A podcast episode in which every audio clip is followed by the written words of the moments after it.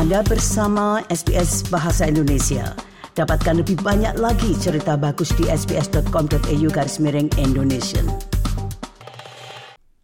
Pendengar, mulai tanggal 1 Juli warga Selandia Baru yang tinggal di Australia setidaknya selama 4 tahun akan dapat mengajukan permohonan langsung untuk menjadi warga negara Australia tanpa terlebih dahulu memperoleh izin tinggal permanen.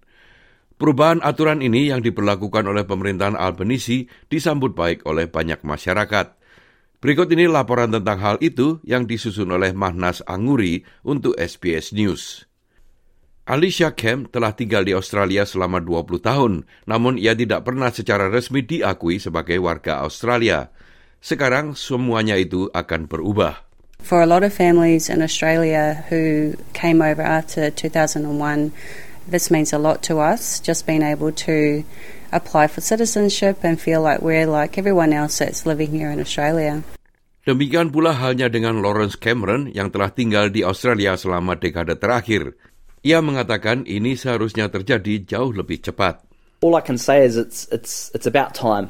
Um, like I, obviously I've been here for ten years now, and it's something that I've considered for a while. But uh, you know, like a lot of Kiwis, you know, we put it off because of I guess the um, the process involved, having to become a um, a permanent resident first and then a citizen, and also the substantial costs involved. Pada tahun 2001, pemerintahan Howard memperkenalkan visa kategori khusus untuk warga Selandia Baru yang tiba di Australia yang memungkinkan mereka untuk tinggal dan bekerja di sini tanpa batas waktu.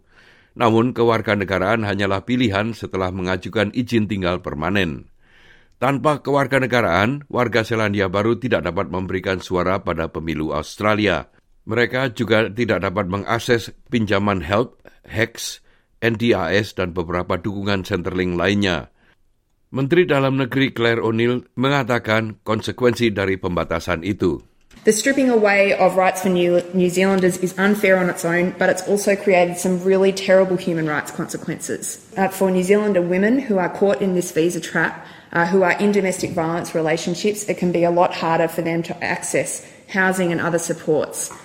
Mary Pewarangi yang bekerja sama dengan komunitas Maori dan Kepulauan Pasifik mengatakan pandemi telah menyoroti betapa buruknya hal itu bagi kelompok tersebut.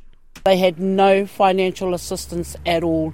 And so, and those that were casual employed, were casually employed, um, a lot of them went back to New Zealand.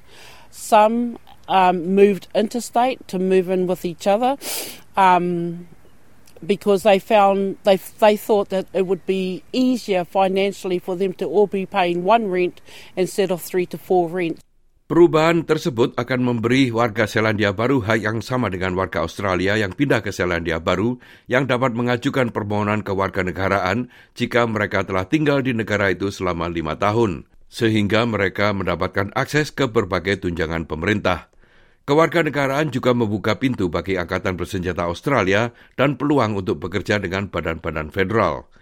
Bagi Lawrence Cameron, ini adalah kesempatan dalam mimpi yang telah lama diimpikannya. I come from a proud family in New Zealand um, that has represented New, Ze- you know, New Zealand in both wars. Even though I don't call New Zealand home, uh, I still consider Australia my, my country, and I would like to serve in, in, in some capacity if whilst I'm still at the age that I can physically. Jalur untuk mendapatkan kewarganegaraan baru ini diperkirakan akan mempengaruhi sekitar 350 ribu warga Selandia Baru yang tinggal di Australia yang sekarang dapat merencanakan masa depan mereka dengan lebih baik. Pendengar itulah tadi rangkuman yang disusun oleh Mas Nas Angguri untuk SBS News dan disampaikan oleh Riki Kusumo. Sukai, berbagi, komentar. Ikuti SBS program Bahasa Indonesia di Facebook.